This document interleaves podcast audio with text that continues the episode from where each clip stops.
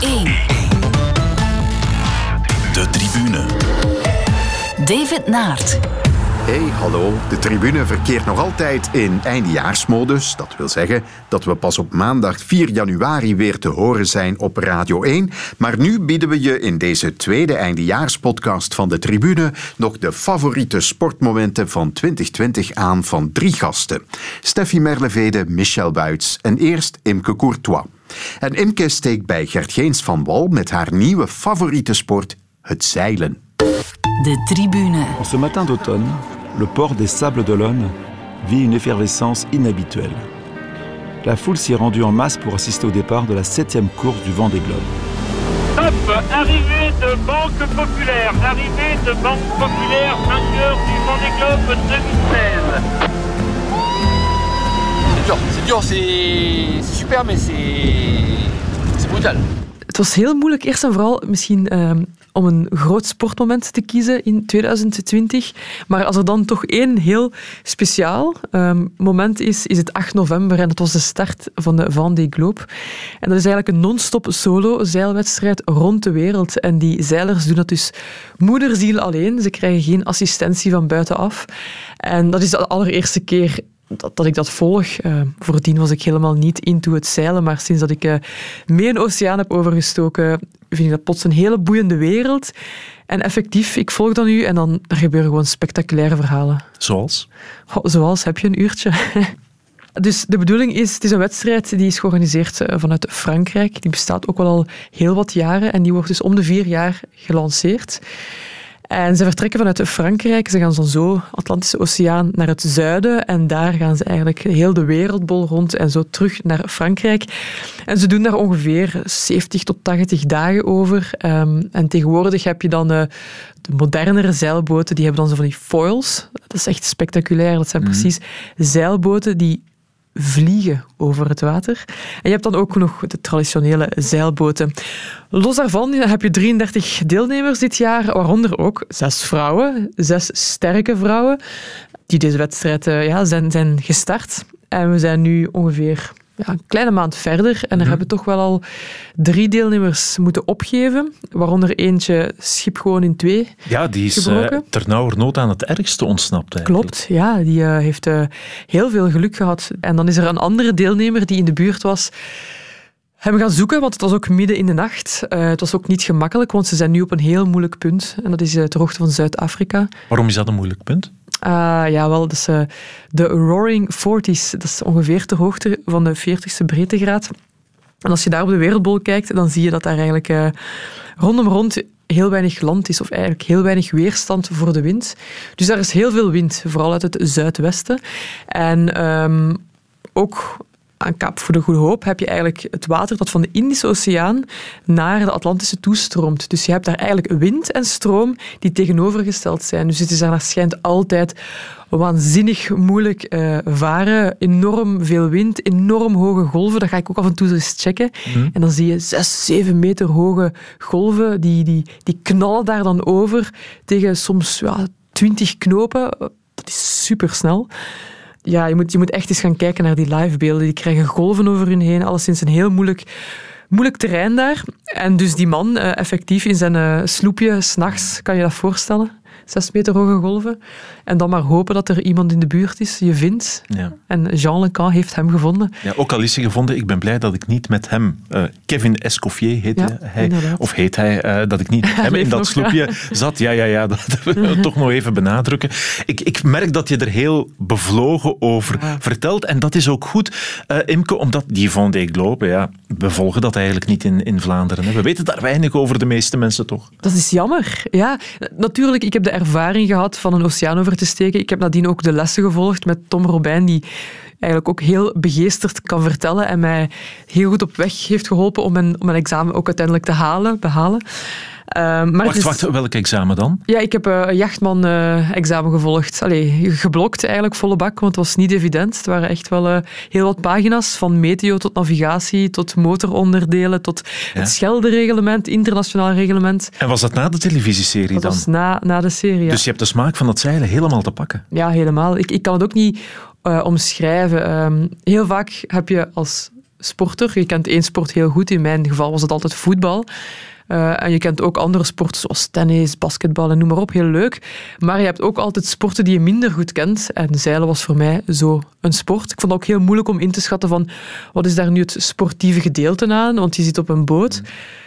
Maar als je het dan één keer gedaan hebt en enerzijds heb je de pracht van de natuur, de schoonheid, het desolaat leven. Uh, het is een van de momenten geweest waar ik het kortst bij mezelf heb gestaan, was op het midden van de Atlantische Oceaan. Het gevoel van, ik heb geen gsm, ik heb geen radio, geen televisie. En ik voel me intens gelukkig. En dat was zo bevrijdend. Dus dat is één aspect, het gevoel van de natuur.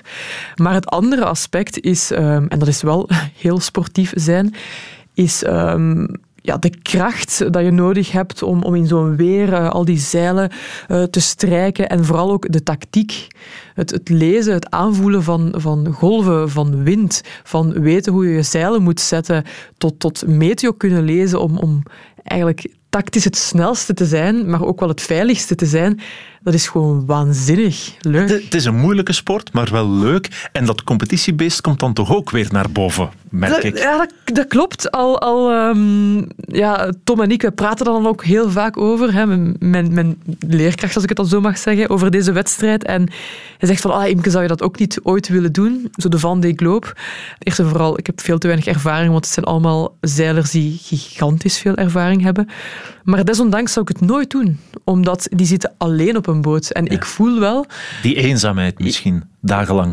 Daar heb ik geen schrik voor. Maar ik ben ook in, in, in het sporten een echt groepsdier. Ik hou van het samen naar een doel toewerken. Dus zet mij op zo'n boot met vier, vijf andere zeilers en ik teken vandaag nog ja, contract. Ik zal er waarschijnlijk geen geld aan verdienen, maar ik bedoel maar... Ja, maar op dat vlak, je hebt ook zeilraces die, die op die manier werken. De Volvo Ocean Race, hè? dat is inderdaad ook zo eentje, maar... Emke is... Courtois naar de Volvo Ocean Race. Ik, uh, ik zal er wel over nadenken. De, de Van de Globe, daar kijk ik vooral met heel veel bewondering naar. Omdat ik denk van, het zijn echt mentaal zeer sterke mensen die echt een groot avontuur aangaan, die hun leven riskeren. Um, wat ik zelf niet zou durven. Maar de Volvo Ocean Race, wie weet. Ja. Maar het is niet dat Emma Plasgaard al klamme handjes moet krijgen, Imke. Nee, dat denk ik niet. Nee, ik, ik, ik vermoed dat ik ook niet het, uh, het grote zeiltalent heb uh, dat zij wel heeft. Nee. Ja. Ik wil nog wel wat verhalen horen van, uh, van de televisiereeks. Hè. Over de oceaan was het. Ja. Onder meer met Otto Jan Ham, Charlotte van der Meers, actrice. Waren nog mensen bij. Ja, Jani, Jani, Evi Hansens, Dominique Persone. Ja. Ja, die laatste was zeker heel belangrijk voor... dat is ook iets wat ik denk een groot voordeel was uh, tijdens Over de Oceaan. Die mensen hier die hebben amper tijd om uh, eten klaar te maken. Die eten allemaal zo van die astronautenvoeding. Ja. Terwijl wij hebben daar echt als Bourgondiërs gegeten op die oceaan. Ja, dat is echt waanzin. Ja, maar wat heeft jou verder nog het, het meest getroffen? Je hebt daar, daar net het moment al beschreven in het midden van de oceaan. Waar heb je nog het meest van opgekeken? Hoe gemakkelijk het was in zo'n omstandigheden om verschillende karakters rond u te verdragen op een hele kleine ruimte. Ik denk, voor ik vertrok, had ik vooral daar schrik voor. Um, ik ben iemand, ik, zoals ik al net al zei, vooral in het sport, een groepsdier. Ik hou van mensen rond mij. Maar ik ben ook wel iemand die mij af en toe afsluit. En dat deed ik dan heel vaak gewoon thuis. Of is te gaan wandelen in de natuur.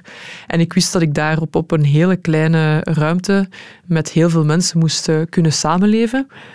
Maar het feit dat je we waren in totaal met twaalf op de boot. Dus uh, zes mediafiguren, zal ik het zo maar even noemen. En dan ook natuurlijk mhm. mensen die uh, alles in uh, beeld hebben gebracht, voor de klank hebben gezorgd. En ook iemand die heel veel ervaring had in het zeilen, onze kapitein Piet.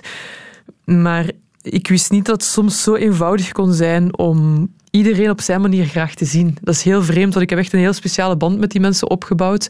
En soms stoor je je wel eens aan een persoonlijkheid of aan een karaktertrek.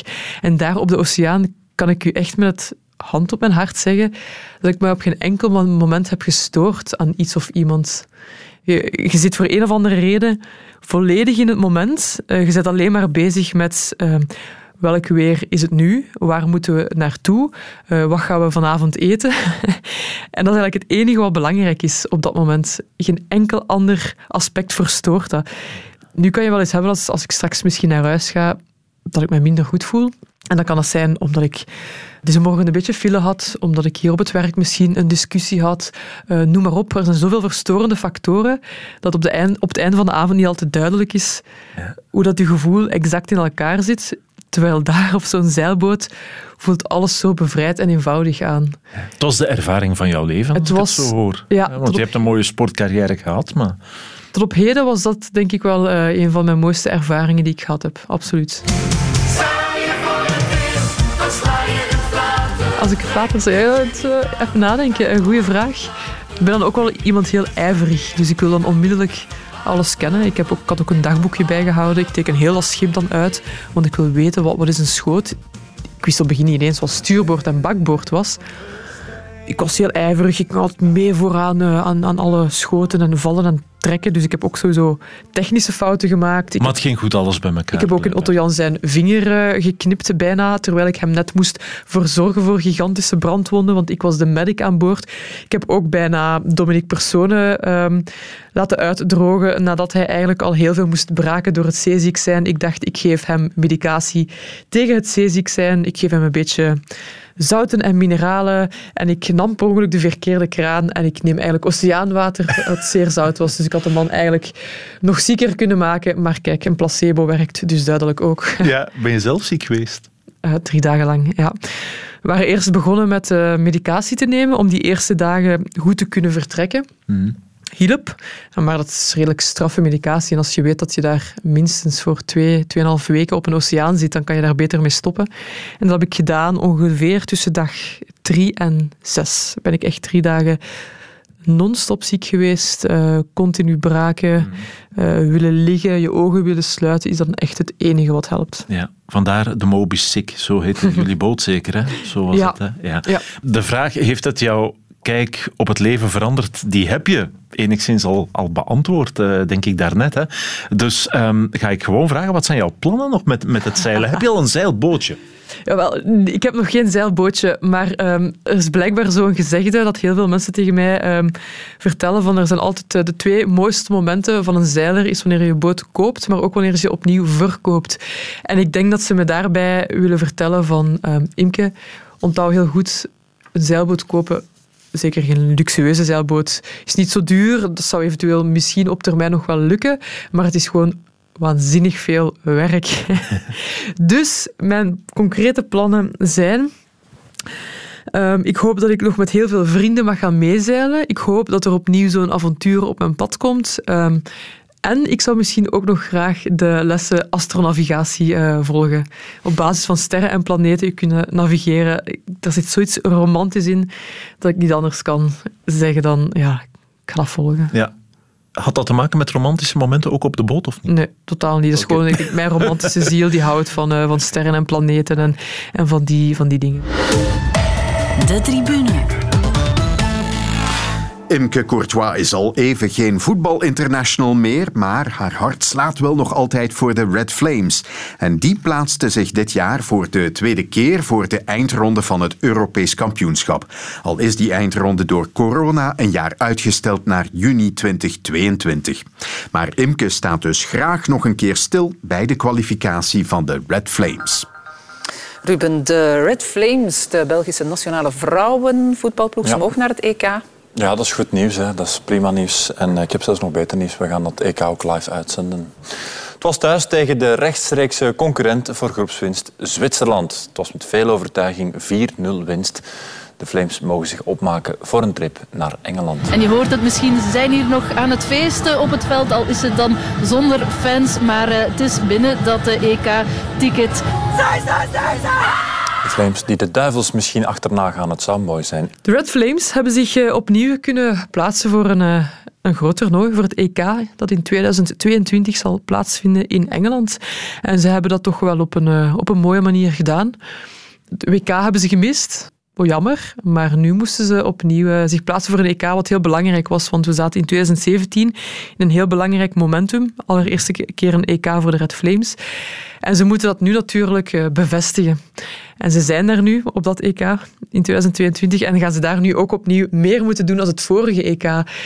Dus dat is geen gemakkelijke trein dat je aan het nemen bent, maar het is wel een heel belangrijke voor de groei in het vrouwenvoetbal. Dus ik ben eigenlijk wel heel blij dat ze die stap gezet hebben. Zeker wel. Kunnen we al iets zeggen over de slaagkansen van de Red Flames? Want het het is inderdaad nog anderhalf jaar. Het is pas in 2022. Ja, um, nee. Ik denk niet dat we nu uh, al te veel kunnen zeggen over... Je weet ook nog niet wie de tegenstanders zijn uh, van de Red Flames. Dat is ook al heel belangrijk. Er is helaas door heel de coronacrisis ook een jaar, een verloren jaar tussen. Want het EK is nu verschoven naar 2022. Dus in 2021 ja, gebeurt er eigenlijk relatief weinig voor de Red Flames. En je hebt dan natuurlijk hetzelfde probleem als bij de Rode Duivels. Je hebt enkele sterkouders die, ja, die ouder worden. En dan denk ik bijvoorbeeld in de eerste plaats uh, aan Janice Kaiman. Uh, Helene Jaak is nu ook gestopt. Uh, het voordeel misschien dan dat de vrouwen dan wel hebben ten opzichte van de mannen, is dat je daar wel ziet dat uh, opkomend talent, opkomende jeugd ja, enorm aanwezig is. Ja, aanwezig op het veld of ernaast ook al? Beide, ja. Dus momenteel is het een redelijk uitgebalanceerde ploeg bij de Red, Red Flames. Je hebt uh, sterkhouders, je hebt uh, meisjes zoals Tessa Wullaert, die is momenteel 27 jaar, dus die is eigenlijk op het toppunt van haar, uh, van haar carrière of alleszins van haar voetbaltalent. Ja genoeg ervaring, fysiologisch ook helemaal in orde, of dat hoop ik althans. En je hebt dan ook nog jonge speelsters zoals Davinia van Mechelen. Je hebt ook Eurlings, die is heel jong, 16 jaar, heeft twee, drie minuten mogen spelen tegen nu Zwitserland. Maar er zit een beetje van alles in. Dus het is een hele grote spreiding qua leeftijd en talent. Met andere woorden, er zit nog wel uh, muziek in. We hebben een, een goede generatie al gehad, maar het is nog niet op. Oh nee, het was de eerste generatie. En dat is het, het grote voordeel in het vrouwenvoetbal. Het vrouwenvoetbal komt van, van heel ver. In mijn tijdsperk, dat is niet zo heel lang geleden. Maar ja, als ik 12, 13 jaar was, dat is wel al een tijdje geleden, dat is bijna 20 jaar Mhm. geleden, ja, werd er twee, drie keer getraind. Uh, de begeleiding was ook niet zo goed. Um, er waren heel weinig middelen om ons te ondersteunen. Nu is de staf bijvoorbeeld toch al een pak groter, hè? Dat is, dat is heel professioneel. Het is eigenlijk echt vergelijkbaar, zeker op vlak van nationale ploeg, vergelijkbaar met de mannen. Dus, uh, maar je begint dat ook wel stiltjes aan te zien op clubniveau. Alleen helaas in België um, kunnen alle clubs daar nog niet bij aansluiten. Maar het, het, is er wel. Er is een physical coach aanwezig, ook een kine, een dokter, uh, een keeperstrainer enzovoort. enzovoort. De meisjes trainen veel intensiever. Je hebt dan het project van de Yellow Flames in de topsportschool van Leuven, waar ook heel veel talent instroomt en uitstroomt. Dus er ja. is wat aan het bewegen, zeker en vast. Ja, dat is goed. Over onze eigen competitie wil ik het nog even hebben met jou zo meteen. Maar eerst nog een vraagje over de Red Flames en, en die tijd tot um, het EK 2022. Hoe te overbruggen? Wat, wat, moeten ze nu het komende anderhalf jaar doen? Uh, ja, er zijn verschillende dingen. Ik denk uh, zorgen dat de speelsters die geselecteerd zijn, dat die spelen in hun eigen club. Uh, zorgen dat ze geen grote blessures hebben. Dat is punt één. Dus in eigen club goed spelen. ik vermoed dat ze ook nog wel, afhankelijk van hoe dat de coronacrisis evolueert, enkele toernooien, vriendschappelijke toernooien zullen kunnen spelen. Heel vaak is er de Cyprus Cup, Algarve Cup. Dat zijn wel momenten, zeker Algarve Cup, waar dat je tegen hele goede tegenstanders kan spelen. Ik vermoed dat er, dat er ook hier en daar vriendschappelijke wedstrijden gespeeld zullen worden. Dus ik denk dat ze daar vooral heel veel uit moeten halen. Hmm. Mag ik de mentaliteit bij de Red Flames, is, zou die een beetje te vergelijken zijn als pakweg in het hockey, waar er toch zoiets heerst als wij zijn het nationale team. Ik zeg niet dat dat bij de mannen, bij de Rode Duivels niet is, hè, maar waar heel gericht wordt gewerkt richting de nationale ploeg ook wel. Dat is uh, een, een hele goede vraag. Een vraag die... Uh, ja, dat is een heel goede vraag. Ja, er is nog marge, denk er ik is dan. Nog ja, absoluut. Ik denk dat er nog uh, iets te weinig, maar natuurlijk voor mij is het heel moeilijk, omdat voordien zat ik uh, zelf uh, in clubverband, speelde ik zelf voor nationale ploeg, had ik daar iets meer voeling mee. Maar als ik het nu langs de zijlijn hoor, heb ik wel het gevoel dat de communicatie tussen clubs en nationale ploeg nog kan verbeteren. Ik denk dat er nog iets te veel... Um, niet het grotere geheel wordt gediend, zijnde van we willen zo goede mogelijke speelsters hebben. Ik denk heel vaak, uh, zeker voor een coach als Patrick Wachel, die zijn ploeg bestaat eigenlijk bijna voornamelijk uit de Red Flames, dat die niet altijd even tevreden is als hij nog drie speelsters over heeft op training. Dus dat er daar misschien wel een element van frustratie zit. Um, ook bij de Franstalige club soms standaard, oh, die, waar dat er oneenigheden zijn of niet altijd duidelijk gecommuniceerd wordt. Dus ik denk dat dat nog beter kan, ook in het vrouwenvoetbal. Ja, zeker in het vrouwenvoetbal. Oké, hoe kijk je tegen onze competitie aan? De Super League is het nu. Anderlecht domineert. Anderlecht domineert. Uh, zoveel is duidelijk. We hebben nu wel um, natuurlijk een club zoals Standaard, die wel wat tegengewicht uh, kan geven. Um, ik zie ook heel veel hoopgevend talent, um, jeugdig talent bij OHL. Dus dat is ook positief. Maar in het algemeen kan je wel stellen dat onze competitie nog steeds te zwak is de jaren van de Benelux liggen al een tijdje achter ons, maar dat waren wel de hoogdagen uh, voor de Belgische competitie om aan te sluiten met een op dat moment sterkere Nederlandse competitie. Waardoor dat we ook ja, meer aansluiting kregen met die, die Europese landen die het eigenlijk al een tijdje beter doen dan ons, vooral Scandinavische landen, Duitsland. Dus ja, ik, ik, ik hoop stiekem dat de, de KBVB toch een oplossing vindt om onze competitie aan te sterken. Natuurlijk is dat ook gewoon een beetje wachten tot al die jeugd die veel meer getraind heeft, die een veel betere begeleiding krijgt, tot die doorstromen tot de A-ploeg. En dan hopen dat die al, niet allemaal naar één dezelfde ploeg gaan, maar dat die mooi verdeeld worden over uh, ja, zeven of acht ploegen in de Belgische competitie. Dat is het ideale scenario. Hè? Uh, maar de vraag is, gaat dat gebeuren? En, en twee, ja, zie je zelf, je zegt hopelijk kan de KBVB iets doen, maar Zie je zelf nog onmiddellijke dingen die kunnen gerealiseerd worden om, om te helpen? Ja, nee, ik zie... Ik zie um... Maar het is dus een beetje gemengde gevoelens, een klein beetje heimwee richt naar de Benelux ja. van vroeger toch ja, ook wel. maar daar, ik, ik hoor daar nog steeds niets veranderen. Dus ik, ik weet niet als dat nog steeds een haalbare kaart is om opnieuw een Benelux-competitie te creëren. Dat is uiteraard een oplossing. De andere oplossing is blijven investeren in, in, in de basis van alles. En dat is jouw opleiding van je jeugdspelers. Is het wel belangrijk dat ja, ik zeg maar een boegbeeld als Tessa Wullaert dan toch bij Anderlecht speelt in, bij een Belgische club? Richting jeugd ook ehm, en zo als Ja, richting jeugd wel. Al denk ik wel voor haar eigen carrière dat het natuurlijk wel ook belangrijk is. Is nu 27 jaar. Dat ze, als ze nog een stap naar het buitenland wil zetten, dat ze die ook wel ja. doet voor zichzelf. Want we hebben nu wel het voordeel van social media en de media die eindelijk het vrouwenvoetbal meer volgt. Dus ook daar kunnen meisjes wel zien van kijk, ik kan het tot het buitenland halen als ik heel hard mijn best doe. Net zoals Tessa. Het blijft dan een, toch een tweesnijdend zwaard. Want uh, ja, als je als talentvolle uh, jonge dame echt stappen verder wil zetten, moet je wellicht naar het buitenland. Maar om onze eigen competitie te versterken, zouden ze beter blijven. Dus ja. Ja, het is een mes dat aan twee kanten snijdt. Ik, ik zelf moest ik... Uh, moest ik uh, de wijsheid in pacht hebben of moest ik de macht krijgen om uh, iets te mogen doen, Um, dan zou ik vooral blijven, blijven zorgen dat vrouwenvoetbal positief wordt benaderd vanuit, vanuit de media. En geloof mij, dat is niet onmiddellijk elk klein detail van vrouwenvoetbal uitzenden. Want zoals ik al zei, er zijn ook hele... Uh, mistroostige wedstrijden tussen, waar je de kijker niet warm uh, mee maakt. Maar de mooiste acties van het vrouwenvoetbal blijven die verspreiden. Pro probeer mensen uh, hopelijk wanneer het terug mag naar het stadion te brengen. Want ook vrouwenvoetbal, als je het niet gaat vergelijken met mannenvoetbal, is mooi. Het is misschien iets minder snel, maar dat zijn even mooie, flegmatische acties tussen prachtige doelpunten. Daar is heel veel beleving rond. Dus ze verdienen het echt wel zet in in de jeugd en probeer mensen gewoon kennis te laten maken op een aangename manier met het vrouwenvoetbal. Ja, mooi devies. En jammer dat we nog zo lang moeten wachten op dat EK, dus 2022, eh, medio 2022. Goed, wat we weten is dat je volgend jaar in uh, eh, 2021 sowieso op een boot gaat zitten. Wat mag ik jou nog toewensen, Imka Kortla? Um, weet je, misschien gewoon een coronavrij tijdperk. Dat klinkt heel cliché in deze tijden, maar op dit moment zou mij dat al heel bijzonder uh, gelukkig maken. Ja, mij ook. Dankjewel. Dankjewel. Radio 1. De tribune. De wielerkalender zag er in 2020 helemaal anders uit. Maar als er gekoerst werd, dan was het vaak genieten. Met vooral dank ook aan Wout van Aert. Winst in de Strade en Milaan-Sanremo, tweemaal zilver op het WK en natuurlijk ook een glansrol in de Ronde van Frankrijk. Voor Michel Wuits was 2020 dan ook het jaar van Wout van Aert. En nog altijd Wout van Aert. Wat dacht je? dat is echt. Dat is toch onvoorstelbaar? Wat dacht je? Boven op de top komt Van Aert als eerste boven van het peloton. Alsjeblieft. Wel, hij was al full kolonel. Hij wordt nu luitenant-generaal.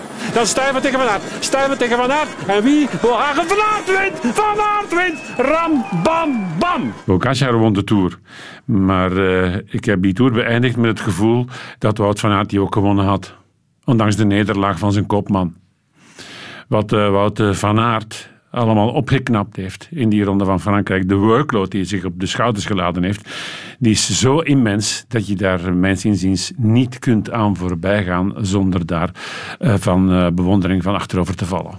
Omdat het gebeurde, ja, uiteraard in de wat meer vlakke etappes, als die al bestaan in de Ronde van Frankrijk. eh Roglic uit de wind zetten, mee naar voren brengen in de juiste waaier.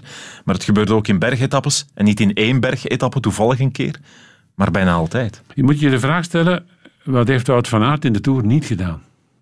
En de vraag die ik me nu al een aantal maanden aan het stellen ben, eh, is er een renner die, eh, zoals Van Aert, bij de absolute top is in massasprinten, bij de absolute top is in het tijdrijden, een eh, klassieker of meerdere klassiekers kan winnen en bovendien ook nog eens dicht bij de top aanleunt in het klimmen? Dan vind ik er eentje, dat is Roglic. Die kan ook een massasprint winnen als het peloton al geschift is. Maar die kan niet eh, optornen tegen de allersnelste benen, eh, zoals een eh Ewan of zoals op dit ogenblik een Bennett. Van Aert kan dat wel. Dus ik schat Van Aert nog hoger in. Alaphilippe komt naast Van Aert. Kan Van Aert stand houden of niet? Van Aert, Van Aert of Alaphilippe. Wie is het die het gaat halen? Het is Van Aert die wint, mannen. Het is Van Aert die wint met een half wiel. Wout van Aert wint Milan Sanremo. Kippenvel terwijl we het uitschreeuwen. Wout van Aert wint. Welke eendagskoers kan hij eigenlijk niet aan? Is dat dan de Ronde van Lombardije misschien net iets te zwaar, maar voor de rest alles? Ik eh, ben ervan overtuigd dat als hij daar eh, de kans krijgt om zich daarop toe te leggen, met andere woorden, in een normaal seizoen aan het eind van het jaar nog de moed opbrengt om eh, toch nog die ronde van Lombardije erbij te pakken, met een specifieke voorbereiding, dan kan hij die winnen. Dus dat kan eigenlijk alles aan als het een wedstrijd over één dag is. Ja, in, kan inderdaad alles aan, maar dan eh, moet je gaan keuzes maken. Ja, je moet zelf toch moeten kiezen, hè. Michel? Ja. Hm? Je moet je gaan keuzes maken.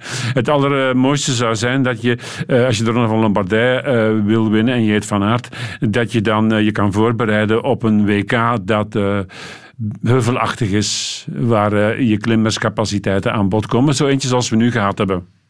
Waar je overigens ook had kunnen winnen in Imola. Eh, dan kun je in één druk door naar de Ronde van Lombardije toe. Ja.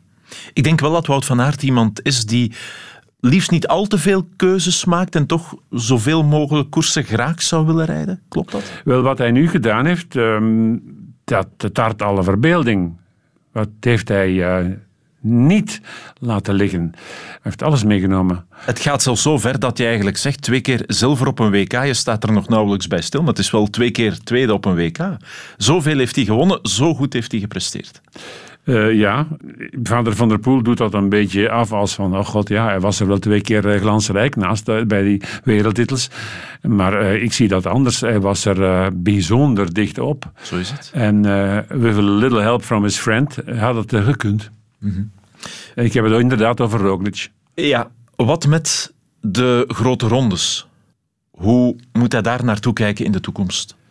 Ehm, ik ben niet het type van eh, wielerliefhebber dat zegt dat je voor groen moet gaan. Ik zou eerder zeggen van eh, ga voor nog meer ritoverwinningen en spreid die ritoverwinningen over een wat breder palet. Maar er zijn er anderen en ik kan me daarbij neerleggen en ik kan dat ook waarderen, die zeggen van eh, hij moet voor groen gaan. En dat behoort inderdaad tot zijn mogelijkheden.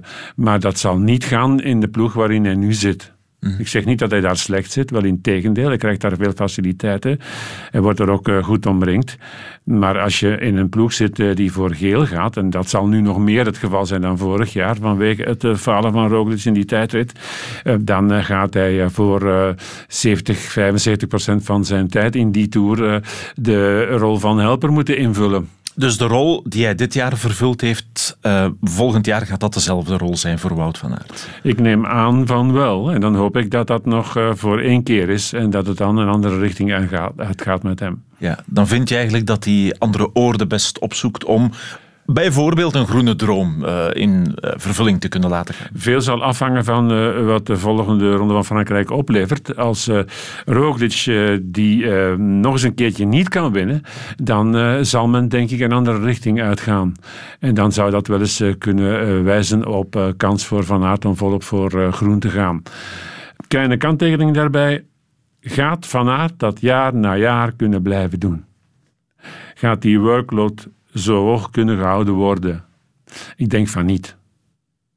Ik denk dat het uh, vrijwel onzinnig is om van Van Aert nog eens gaan te verwachten dat hij nu allemaal gaat herhalen wat hij dit seizoen gedaan heeft. Niet ieder seizoen is zoals een seizoen zoals Gilbert dat gekend heeft in 2011. 2012 was bij Gilbert ook al wel wat minder, werd hij toen wel wereldkampioen. Dus um, hij zal een uh, andere modus uh, moeten vinden, denk ik. Um, wat niet wegneemt dat hij met nog uh, beter pieken, nog uitgekiender een programma uit te dokteren, eenzelfde aantal resultaten en hoge resultaten kan neerzetten. Ja, ik ga het dan toch maar vragen. dat is niet de, de, de, de, moeilijkste vraag om te stellen, maar wel mogelijk om te beantwoorden. Hoe zou jij dat programma van Van Aert wat uittekenen richting volgend seizoen? Waar zou jij de nadruk op leggen? Um, een mogelijkheid om de rol uh, van Kopman uit te spelen of uh, te krijgen in Parijs-Nice, suggereer ik. Um, dan ben je goed voorbereid op Milan-San Remo heeft de capaciteiten om die nog eens een keer te winnen. En dan um, kun je mits um, een goed uitgedokterd programma overschakelen naar de klassiekers van bij ons. En dan de Ronde van Vlaanderen en Parijs-Roubaix proberen te, proberen te winnen. Ja. Dan een relatieve rustperiode met mogelijk een uh, tussentijdse hoogtestage. Nee, met absolute zekerheid een uh, hoogtestage. En dan weer richting Dauphiné, uh, Ronde van Frankrijk. Na de Ronde van Frankrijk misschien de Klassica San Sebastian. Dan een lichte afbouw, om dan weer op de bouw richting uh, WK. Misschien via de uh, Canadese klassiekers, als die al ingericht worden. Ja, dat is waar. Je hebt het al goed in je hoofd en de realiteit zal er wel niet zo ver van afstaan, denk ik. Er is ook iets heel belangrijk volgend jaar. Ja, de Spelen. Uh, ja, en dat vergeet ik nu zomaar even. Ja, daar was zal het ook vergeten. Dan zal hij ongetwijfeld ook daar nog eens uit zijn pijp moeten komen. Dan gaan we daar alweer aan een heel zwaar seizoen, een zeer zwaar middenrif uh, toe zijn. En een WK in Leuven. Ja, absoluut. Dat daar kan hij ook schitteren. Dat is daar voor hem klaargelegd. Ja. Ik heb het parcours vorig jaar um, uitvoerig gedetailleerd verkend. Uh, het was de eerste. Er waren twee namen die mij onmiddellijk te binnen schoten. Dat waren Van Aert en Van der Poel. Alweer. En dan is het nog maar de vraag wat uh, de kleine allemaal kan. Remco Evenepoel volgend jaar. Dat is, dat is weer een ander hoofdstuk. Um, maar bij Wout van Aert wil ik toch nog eens vragen, omdat je Parijs-Nice laat vallen. Hij kan een stukje klimmen. Dan verwacht je dat hij Parijs-Nice kan winnen. En dat is het wat betreft zijn capaciteiten, die rittenkoersen van één week. We moeten niet te veel gaan dromen van nog andere zaken. Er is een levensgroot verschil met uh, het uh, kopwerk doen bergop uh, voor iemand die een beter eindshot heeft in die laatste kilometers van zo'n klim. Um, tussen dat kopwerk doen op een geweldig hoog ritme, met een geweldig hoog vermogen, maar dan ook nog eens finaliseren, afmaken. Dat is nog een andere vier, vijf kilometer. Ja. Dat is nog een ander paar mouwen. Ja, zelf kopman zijn en daar ook helemaal naartoe werken en met die druk leven. Moet hij zijn morfologie ook nog eens gaan wijzigen en moet hij lichter worden en dat is een uh, zeer zware ingreep. En dan uh, kan dat uh, successen in het voorjaar dwarsbomen. Ja. Een ander type renner worden is niet aan velen weggelegd. Oké, okay, dus laten we maar uh, mikken op bijvoorbeeld Parijs-Nice. Ik wil hiermee afronden, Michel. Het wielerseizoen was uiteraard zeer gebald door de omstandigheden. Maar net daardoor zijn die prestaties van Van Aert bij mij nog meer binnengekomen. In die zin, ja, open mond tot en met. Was dat bij jou ook zo? Ja, ja, om, om, omdat het een aaneenreigen was van prestaties aan de top die maar bleven, blijven komen. Of bleven komen. Uh, normaal gezien uh, moet er ergens een, een, een, rustperiode gecreëerd worden. Uh, nu is hij begonnen in, bij de Strade Bianche en heeft dat doorgetrokken tot de Ronde van Vlaanderen. En er is niet één dip geweest. Niet één dip. En mocht de Parijs-Roubaix georganiseerd geweest zijn, dan had hij dat ook nog erbij genomen. Ja, en hij is wel de man die, wat je daar straks aanstipte, die weet en kan verwerken dat dit op deze manier wel eens ja, niet meer zou kunnen terugkomen. Hij gaat nog winnen, maar het gaat meer verspreid zijn. Dat, dat, moet hij zich realiseren. Hè? Ik vind van wel, ja. Um, ik uh, begrijp en tal van renners hebben hem dat voorgedaan. Dat je een jaar hebt, een superjaar, waarin je in een flow zit en waarin je voelt van ja, maar ik word niet slechter. Waarom zou ik dan stoppen met winnen? Waarom zou ik dan stoppen met ambitieus zijn? Dus ik ga maar door, want mijn lichaam uh, uh, blijft het verdragen. Dat gaat niet jaar na jaar zijn. Het gaat niet jaar na jaar zijn. Daar zal hij rekening moeten mee houden dat hij uh, rust moet respecteren zie zijn ambitie ook. En dat typeert Van Aert in het veld. je rust een goede veertien dagen en herbegint dan met voorbereidingen. En op de weg. En op een cyclocross. Van Aert is een beetje precies. Van Aert wil niks half doen en dat heeft gevolgen. Dus de kans bestaat, ik zeg niet dat daar al tekenen van zijn, maar de kans bestaat uh, dat die overload te groot wordt en dat hij daar een prijs uh, voor betaalt. En dat is toch voor jou het aandachtspunt? Dat, dat moeten we vermijden. Ja. Dat hebben we ook al een paar keer gezegd in de Ronde van Frankrijk, José en ik. Um, José iets milder, maar ik toch een paar keer uh, pertinent van mag het nu even stoppen? Uh, je bent hier nu al uh, 8 à 9 kilometer aan een waanzinnig tempo uh, op die klim bezig. laat het aan een ander nu.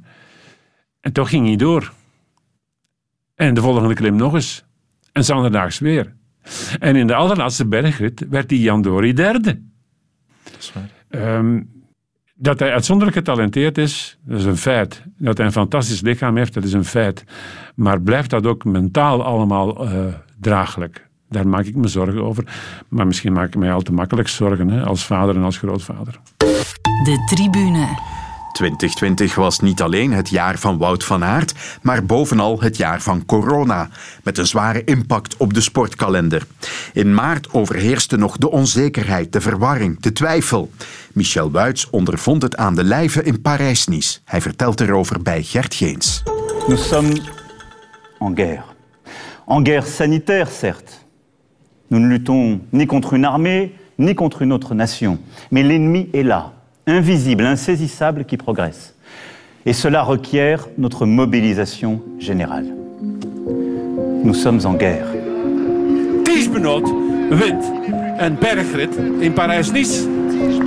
Met een fantastische uitval. Benoot, tweede in Parijs-Nice. Wanneer we er terug zijn, kunnen we u onmogelijk zeggen.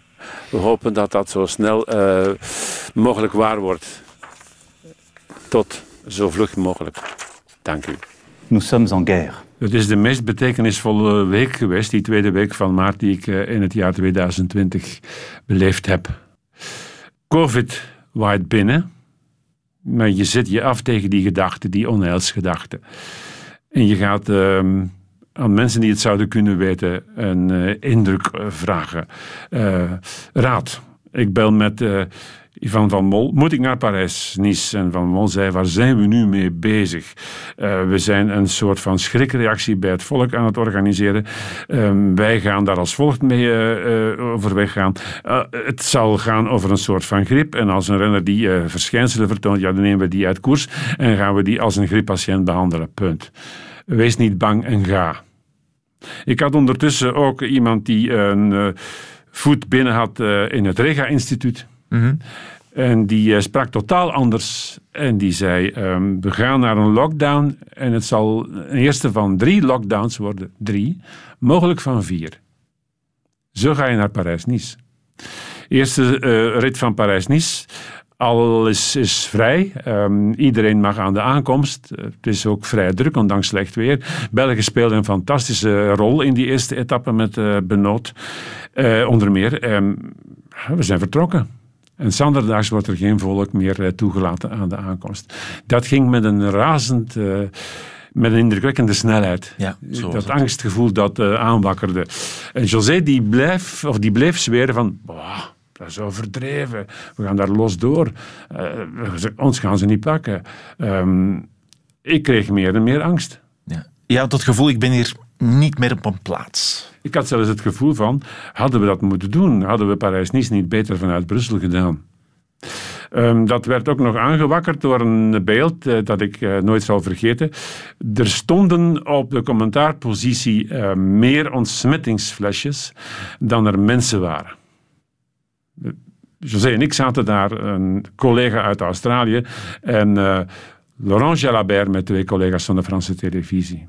En ik denk dat er een twaalftal uh, uh, flesjes met ontsmettingsalcohol stonden. Uh, maskers waren nog niet verplicht. En dat ging zo door tot donderdag, toen ik een telefoon kreeg van een van onze bazen die zei van je doet deze etappe nog en dan kom je terug naar huis. We moesten nog die ochtend 200 kilometer meer naar het zuiden en Mhm. die avond dus 800 kilometer terug naar Brussel, want we zouden de slotetappes vanuit Brussel doen. Dus dat ging met een denderende vaart. En dat besef van, het uh, wielerseizoen zit er hier uh, straks op, dat uh, kwam met een hoge snelheid binnen. We hebben nog een overnachting gehad in Dijon.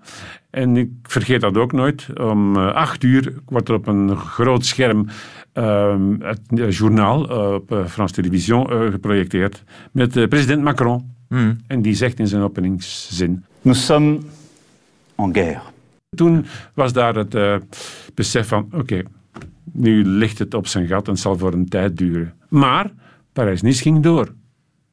En dat was eigenlijk een uh, soort van vooruitblik uh, op datgene wat zou gebeuren na de eerste lockdown. De koersen zijn doorgegaan. Dat is juist. Want er, er is uh, veel kritiek al geweest en ook veel kanttekeningen al geweest en wellicht terecht bij ja, hoe het er in de wielerwereld aan toe gaat en de dingen die fout lopen. Maar het is wel zo dat dat gebalde wielerjaar uiteindelijk toch nog afgewerkt is. Michel, wiens verdienste is dat? Uh, voor zij die hardnekkig gezegd hebben, ondanks financieel verlies gaan we toch door. Dus een dikke pluim voor de organisatoren. En mensen uit de politieke wereld toch ook wel, bewindsvoerders die begrepen hebben van we moeten het volk iets gunnen wat uh, een prettiger uh, tijdverdrijf. En wielrennen kan daar een grote rol in spelen. Um, ik heb het woord verdienste laten vallen, maar misschien zeg jij net zo goed. Als het aan mij lag, had niet gehoeven dit jaar. Ik herinner mij dat we na de slotetappe van Parijs-Nice, dat we hier ook in deze studio zaten, José en ik, en dat we door een van jouw collega's geïnterviewd werden. En die vroeg toen, en nu? Ik heb toen nog suggesties gedaan. Ga naar één grote Europese ronde. De parcoursen van de Tour, van de Vuelta en uh, de Giro van dit jaar kun je, mits een samenballing in drie weken, perfect op elkaar laten aansluiten. Maar kijk, ze zijn zelfs alle drie gereden. Ja. Hè? ja. Um, of dat allemaal zonder problemen gegaan is, dat is dan weer een andere vraag. In de Giro duidelijk niet. Hè? Denk je ook in de andere grote rondes niet, in die, um, die twee andere? Ik denk uh, dat, dat de Tour toch ook wel voor onheil gezorgd heeft. Hè? Ja. Met het toelaten van uh, volk op uh, de bergen. Dat was compleet onaanvaardbaar. Ik kan je erbij de vraag stellen, alles overschouwend. Kan het dat de sport zich boven het maatschappelijke leven stelt? Kan dat? Uiteindelijk zou ik het zo stellen dat, het, dat de koers en mede met de koers andere populaire sporten, dat toch laten doorgaan, dat is een antidepressivum voor het volk gebleken. Wel, ik denk dat je daar de nagel op de kop misschien slaat, Michel. Want ik wou net zeggen, ik denk dat jouw 2020 toch ook wat bezwaard is geweest door corona. Um, was je dan toch blij dat die koersen er waren om voor afleiding te zorgen? Ik had een zeer vreemd gevoel. Ik dacht dat gemis dat gaat verwoestend zijn in het voorjaar in de lente. Dat viel mee. Ik kon mijn tijd wel op een andere manier invullen. Maar als het dan bleef duren, dan uh, kwam dan toch wel die drang. Um, nu wil ik herbeginnen. Ja. Nu al is beslist om de Ronde van Vlaanderen van 2021 en, en aanverwante koersen, hè, ook al zonder publiek, uh, te laten doorgaan. Ja, dat kan mijns inziens nog één keer. Maar dan uh, zitten die organisaties die in dit geval overkoepelend zijn. Uh, Flanders Classics is wel een bedrijf dat er staat. Uh, ik noem ook Golazzo. die kunnen zich dat wellicht nog één keer permitteren. Maar dan is het ook op. Hm. Als mensen graag hebben dat die Ronde van Vlaanderen ook in 2022 doorgaat en de jaren daarop, dan uh, hierbij uh, de vraag om een inspanning te doen van hou nog even vol.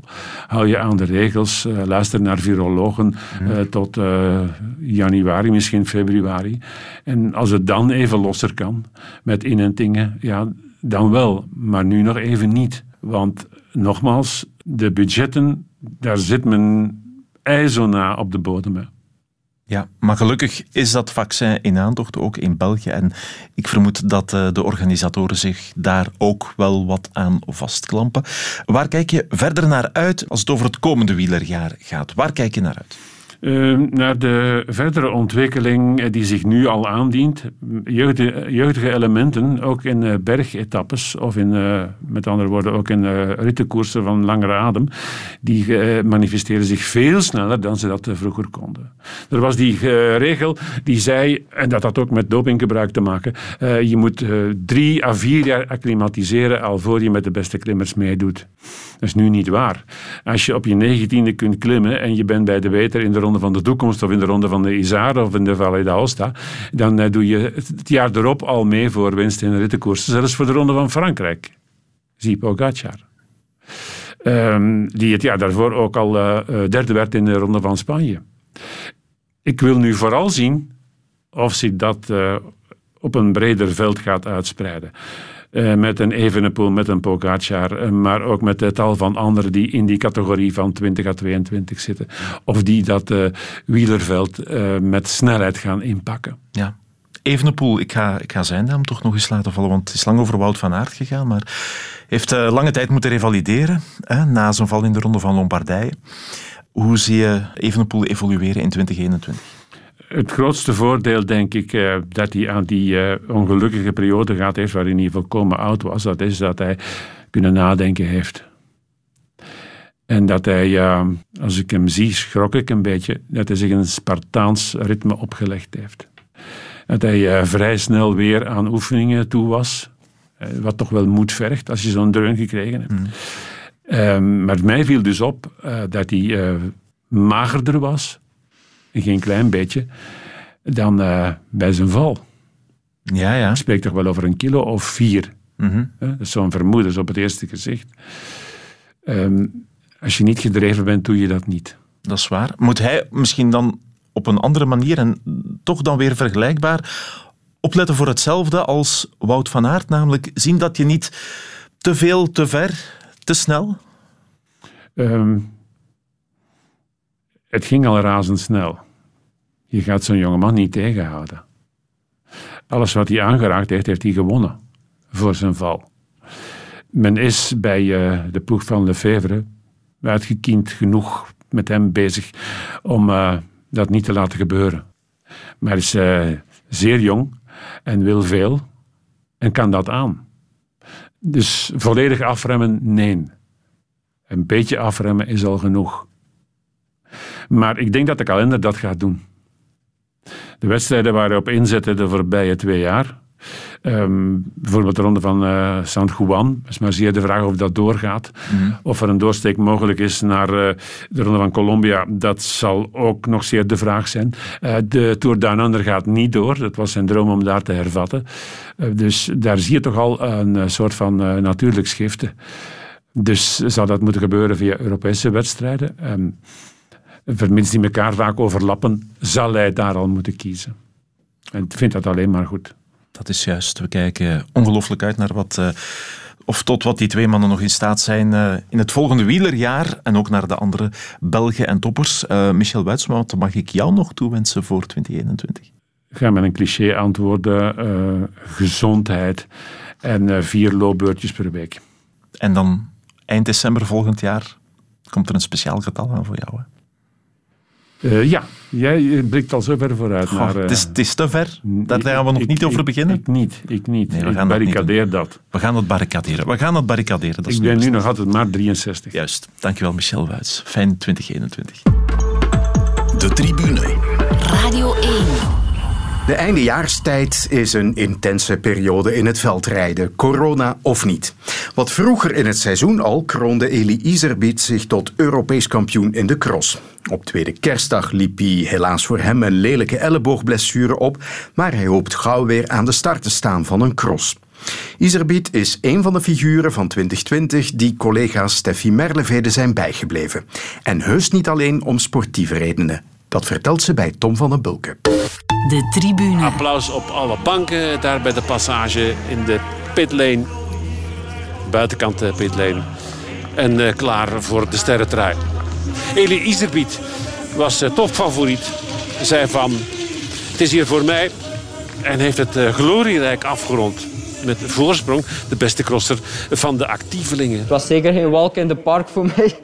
Uh, het zand speelde zo'n beetje tegen, vond ik. En kon niet goed mijn drive in. Maar voor de rest uh, had ik echt wel op mijn volledige power. Ik was 100% in orde. En dat zag je wel op de, op de stukken waar je altijd heel hard moest optrekken. En uh, ja, daar ben ik enorm blij mee. Want er zat nog veel druk wel op mijn schouders. En ben nog wel jong en, het kan nog altijd, maar natuurlijk wil ik alles wel direct. Dus uh, ben ik wel heel blij dat ik dat nu meteen kan waarmaken. Om te beginnen, Eli is sinds een kleine twee jaar mijn buurman. Dus ah, ja. ja, heel toevallig zijn wij kleine twee jaar uh, geleden naast elkaar gaan wonen, allebei gebouwd. Uh, dat was toeval, voor ja. alle duidelijkheid. Dus okay. ja, sowieso ga je het dan wat van dichterbij volgen, uiteraard. mijn kinderen zijn ook allebei helemaal in toeveldrijden mm -hmm. sindsdien. Dus ja, dat is de eerste reden. Maar te, ja, ja, er is nog een andere reden ook. Ik, ik vind dat, uh, ja, dat hij toch wel voor hoop gezorgd heeft in het veldrijden. Het is iets wat mij, zelfs als sportjournalist, moet ik zeggen, de voorbije jaren ja, volgde ik dat net iets minder. Sinds, uh, sinds het stoppen van, van Sven Nijs, zo ongeveer, mhm. was het ja, toch net iets minder interessant. Maar ik vind sinds de komst van, of, en de ontbolstering vooral dan van, van Iserbiet, uh, ja, dat er toch wat meer spanning is gekomen. En ja, ik heb toch wel hoop dat hij dit jaar toch wel wat meer uh, tegen een Van Aert en een Van der Poel zal opkunnen. Hij heeft dat toch wel getoond in het begin van het seizoen. Ook bijvoorbeeld dat, dat EK, waar hij toch als topfavoriet moest starten met best wel wat druk op de schouders, maar waar hij ja, heel overtuigend naar de overwinning is gereden. Ook de, de, veldrit in Boom, waar Van Aert er ook al bij was, waar hij uh, ja, op die moeilijke passage daar toch het verschil maakte, profiteerde van een foutje en heel overtuigend... Uh, naar de overwinning reed. Ik vond dat hij toch gegroeid is dit jaar. Vorig jaar hij stond hij er ook in het begin van het seizoen. Ook toen werd tot in de treuren herhaald. Ja, Van Aert en Van der Poel zijn er nog niet bij. Um, maar ik vind dat hij ja, nu toch gegroeid is. Ook in zijn manier van, van interviews geven achteraf. Uh, dat hij qua persoonlijkheid uh, ook toch wel is gegroeid. Dat hij ja, die leiding durft te nemen. Bijvoorbeeld in de discussies die in, in het begin van het seizoen er waren. Mm. Over die verloning en zo. Door corona, door het feit dat er geen publiek mocht zijn. Nam hij toch het voortouw om het ook op te nemen voor de renders van de tweede, derde rij.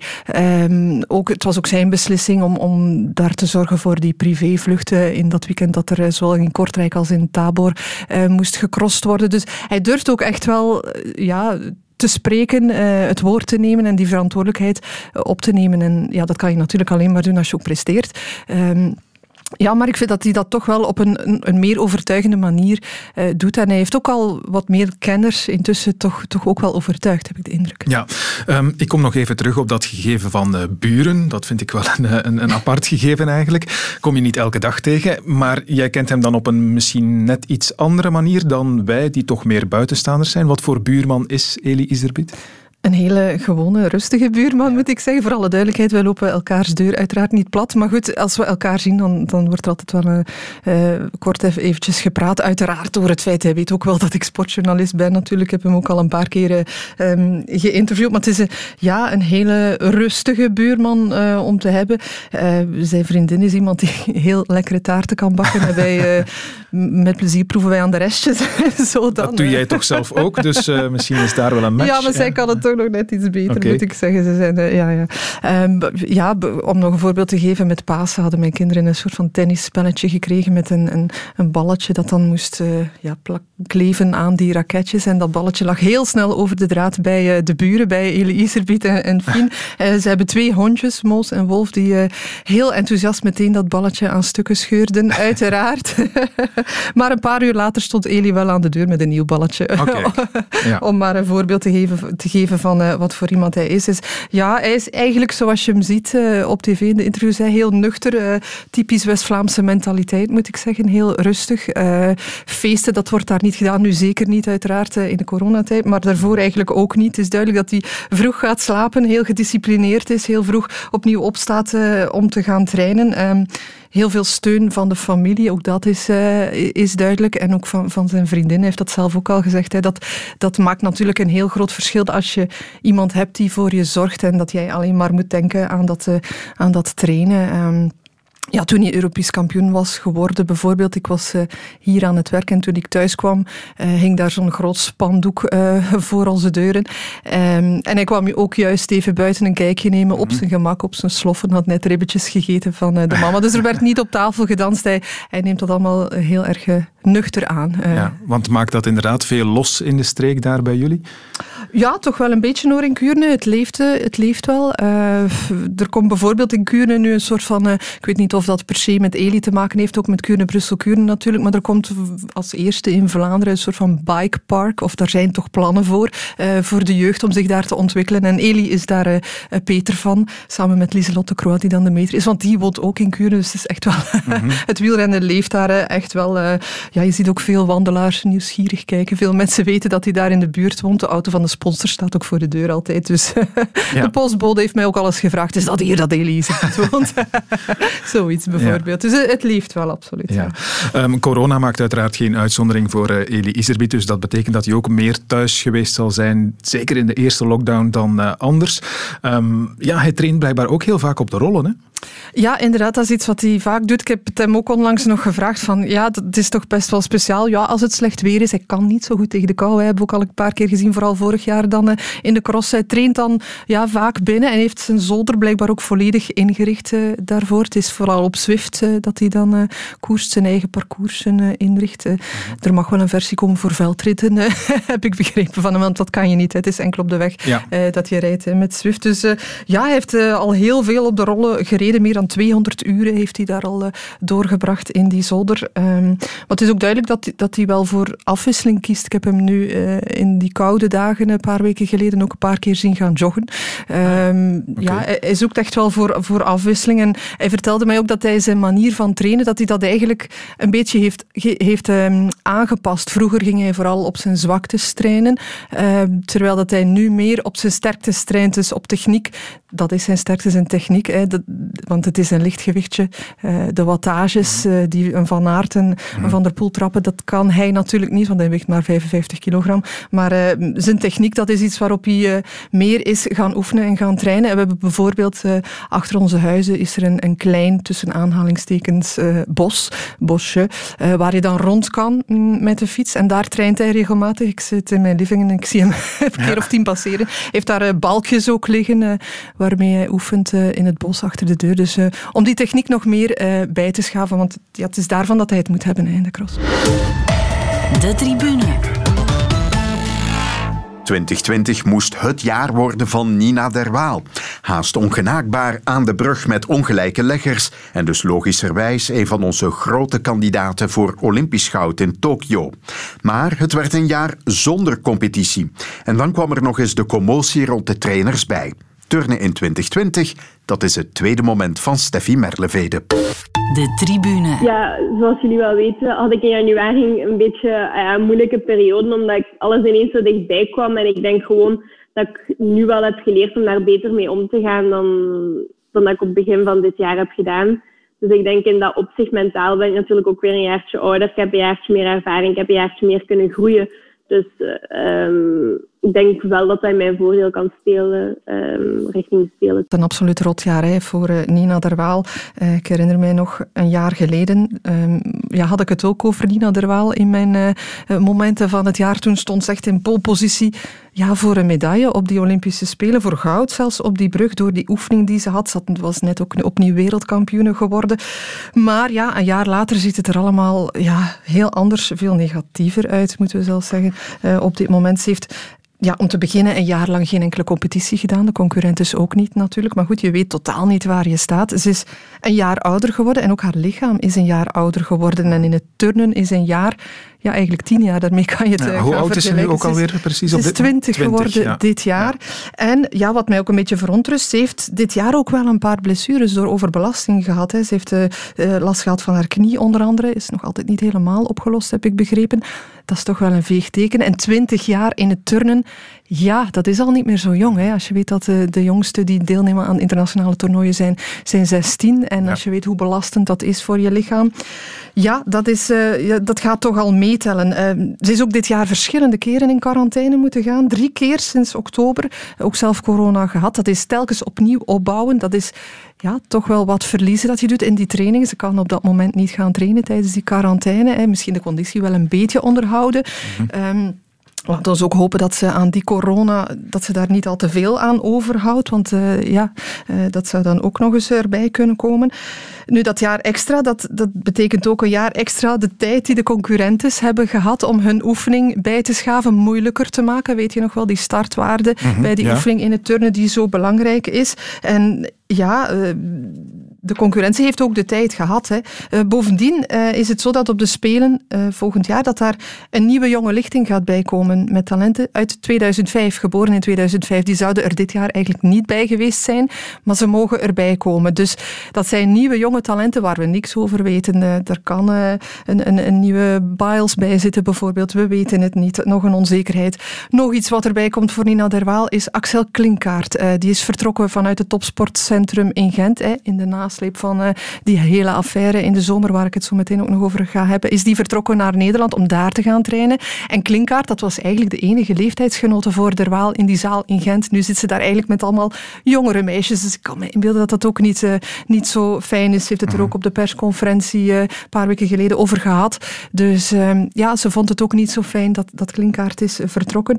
En dan is er nog eens die onderzoekscommissie die op dit moment aan de gang is. Hè, over ja, die klachten van vooral, uh, over mentaal misbruik, onder meer in het topsportcentrum uh, van Gent, onder meer over de coaches van Nina Derwaal. Dus ja, ik denk dat dat ook wel invloed heeft gehad. Als je dat allemaal optelt, is het echt een rotjaar geweest ja. voor Nina Derwaal. Uh, zometeen meer over die onderzoekscommissie en hoe het daar nu mee zit. Maar ik wil toch nog eerst even vragen, als ik je zo bezig hoor, um, mogen we dan concluderen dat Olympisch kampioen worden voor Nina Derwaal volgend jaar wel een uh, stuk lastiger wordt dan het dit jaar zou geweest zijn?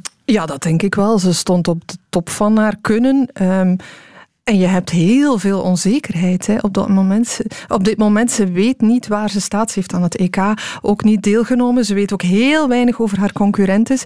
Um, nu, ik weet wel dat ze um, in het begin van het jaar, 2020 dan, vorig jaar dus bedoel ik, dat ze het daar wel even heel moeilijk heeft gehad. Om, omdat er ja, heel veel druk was. Hè. Er waren die eindejaarsmomenten geweest, was sportvrouw van het jaar geweest. Iedereen ja, had het al bijna over een evidentie dat zij goud zou gaan halen op die Olympische Spelen. En en ik weet dat ze het daar wel mentaal even heel moeilijk mee gehad heeft in het begin van het jaar. Dus in die zin is het dan misschien positief geweest dat het uitgesteld is. Ze heeft, ze heeft daar kunnen over nadenken en ze zegt zelf ook van ja, ik ben mentaal eigenlijk wel sterker geworden daardoor. Het was heel moeilijk in het begin toen die spelen werden uitgesteld, maar ik heb toch een klik in mijn hoofd kunnen maken waardoor ik wat flexibeler ben, ook mentaal, en kan omgaan met al die veranderingen.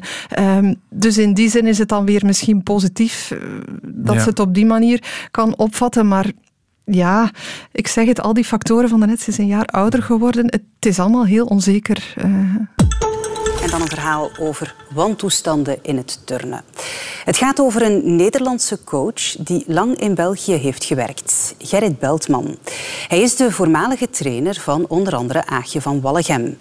In een interview met een Nederlands dagblad geeft Beltman toe dat hij in het verleden turnsters heeft mishandeld en vernederd. Je kan nu op sociale media elke dag nieuwe getuigenissen lezen van over de hele wereld. Het is niet alleen in Amerika en niet alleen hier bij ons. Overal komen er nu getuigenissen los van bekende en minder bekende gymnasten. Dus ja, op dit moment zou je moeten zeggen, gymnastiek heeft een probleem. Die onderzoekscommissie, hoe, hoe staat het daar eigenlijk mee op dit moment?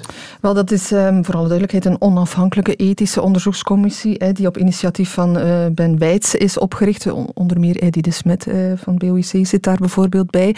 Um, daar komt heel weinig over naar buiten, maar ze zouden wel ja, tientallen klachten hebben ontvangen. Um, die commissie werkt in uh, alle stilte. intussen weten we wel, aanvankelijk zouden ze eind januari met de conclusies komen, maar dat is uitgesteld. Ze hebben uitstel gevraagd en nu zou het pas uh, in maart zijn dat de resultaten er zouden zijn. Nu, als je weet, Ben Meijts, het gaat onder meer over Yves Kiver en Marjorie Euls, de twee coaches van Nina Derwaal. Ja. Um, als je weet dat Ben Weitz zei, desnoods moeten die coaches eruit. En als dat dan, stel je voor, in het ergste geval uiteraard, hè, dat dat in maart zou gebeuren, dat is enkele maanden voor de Olympische Spelen, dat zou een ramp zijn voor Nina Derwaal en ook voor de andere turnsters van de ploeg, hè, want voor alle duidelijkheid, ze gaan voor de tweede keer als ploeg naar de Olympische Spelen. En Euls en Kiefer zijn echt wel ja, de architecten van dat succes. Uh, dus dat zou absoluut een ramp zijn. Maar ik zeg er ook bij, ja, uh, ik doe geen uitspraak over wat er wel of niet gebeurd is. Maar als enkele van die dingen kloppen, ja, dan moet er wel iets gebeuren, uiteraard. Dan moet daar gevolg aan worden gegeven. Maar goed, dat zal die commissie moeten uitmaken. Het is natuurlijk heel gevoelige materie, want het, het gaat over kinderen uiteindelijk waar je, waar je mee werkt. Ja, en, en tientallen klachten, zeg je? Zouden, ja, ik heb Ja. daar uiteraard geen officiële bevestiging van, maar er zouden toch eh, tientallen klachten zijn. Al gaat dat dan blijkbaar ook niet allemaal over het topsportcentrum in Gent. Er zouden ook op andere plaatsen een eh, probleem zijn. Maar goed, het is wel een probleem van het turnen in het algemeen. Hè, want het gaat niet alleen over België, het gaat ook over het buitenland, Nederland, Frankrijk, Engeland, de Verenigde Staten, waar het over meer dan mentaal misbruik zelfs eh, gaat, uiteraard. Dus het is wel duidelijk, denk ik, dat er internationaal dat er toch iets moet gaan gebeuren. Dat, dat daar ja, een gevolg van moet komen. Ehm, Ik zeg maar iets, de, de, leeftijd, ehm, de leeftijdsgrens om deel te nemen aan internationale toernooien nu is bijvoorbeeld 16.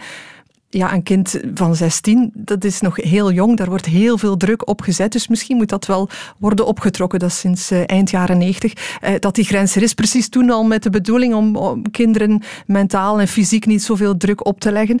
Eh, want ja, misschien zijn er wel aan 15 die eigenlijk al zouden kunnen willen deelnemen.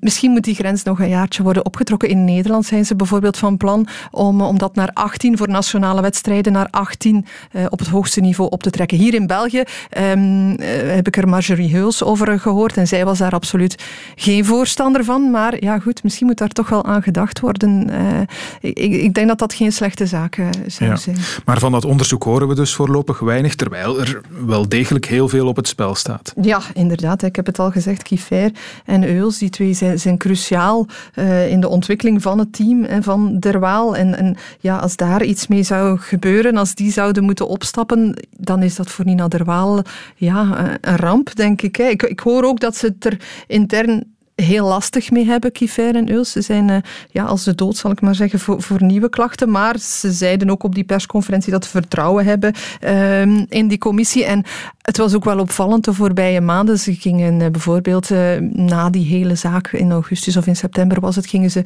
op stage in het buitenland. en toen zag je op hun social media allemaal leuke, gezellige foto's op het strand. Er wordt zo echt duidelijk de nadruk op gelegd dat het, dat het fijn en leuk is in de zaal en in Gent en op stage. Dus ik hoop echt uit de grond van mijn hart dat dat inderdaad de sfeer is die er altijd is geweest. Je had ook wel Nina Derwaal die het voor hen opgenomen had. hè? Voilà, absoluut. Ja, Zij heeft eh, heel duidelijk het woord genomen en, en duidelijk gezegd eh, ja, dat, dat zij daar geen ervaringen mee heeft eh, of heeft gehad. Ja, maar los daarvan, ehm, ja, het coronajaar, dan dat mentale misbruik dat zo ja, in de pers gekomen is. Het, het is wel een heel negatief verhaal hè, voor het turnen dit jaar. Ja, inderdaad. Het heeft me ook wel een beetje pijn gedaan, moet ik zeggen. Want dat is de sport eh, ja, waar ik altijd zelf eh, mee bezig ben geweest. Ik heb tot mijn 2022 heb ik tien uur in de week getraind. Ik, ja, mocht ik het kunnen, ik zou het nog doen. Helaas eh, lukt dat absoluut niet mee. Wil het lichaam daarvoor niet meer mee. Dus het heeft mij wel pijn gedaan, want eindelijk was, was het turnen in België. Ja, we stonden er wel. Hè. We hadden een wereldkampioene en dan gebeurt dit. Dus ja, goed. Ik, ik heb het al gezegd, misschien moeten we erop hopen dat het inderdaad is, zoals Nina Derwaal zegt, dat ze mentaal sterker is, is geworden. Ze was natuurlijk al mentaal heel erg sterk, weet je nog wel, op dat wereldkampioenschap als allerlaatste in die toestelfinale. En dat dan toch eh, zo goed doen, eh, die oefening. Maar ehm, ja, het is, het is heel lastig geweest. Ze, heeft het ook zelf eh, gezegd en toegegeven. Het is een heel zwaar jaar geweest. Haar oefening, ehm, die zou er al helemaal zijn. Die zou al rond zijn. Haar oefening die ze heeft voor de Olympische Spelen. En volgens Marjorie Heeft ze ze zelfs al een paar keer op training volledig kunnen doen. Er wordt heel weinig over gezegd, over hoe die oefening er zal uitzien. eh, of daar ook nog nieuwe elementen en zo eh, in zitten. Maar ja, ze, ze benadrukken zelf wel heel duidelijk dat er geen probleem is en dat ze er zal staan. Ja, want zij ging haar oefening inderdaad ook een beetje nog aanpassen, Aanpassen, de lat nog ja. wat hoger leggen dan. Inderdaad, dat moet ook wel. Hè. Eh, ja. zeker als je nu weet dat de concurrenten ook nog een extra jaar hebben gehad, dat daar nieuwe jonge Dus moet talenten zij ook gaan weer met bijkomen. iets nieuws komen, Ja, moet ze zorgen dat haar startwaarde van haar oefening inderdaad hoog genoeg ligt. Ze heeft daar eh, dat element dat eh, naar haarzelf is genoemd, hè, de derwaal De derwaal, ja, en ze zou aan nog een extra element gewerkt hebben. Eh, ja, een extra draadje hier of daar erbij kan natuurlijk voor een nieuw element weer zorgen. Dus ja, ik ben heel benieuwd. Ik zou het heel graag weten eigenlijk. Oké, dat zien we dan wel in 2021. Hopelijk voor het turnen een eh, beter jaar dan 2020. En 2020 zit er intussen zo goed als op, net als deze eindejaarspodcast van de Tribune. Op maandag 4 januari 2021 zijn we er opnieuw op Radio 1 en natuurlijk ook weer als podcast. Bedankt om te luisteren en prettig eindejaar.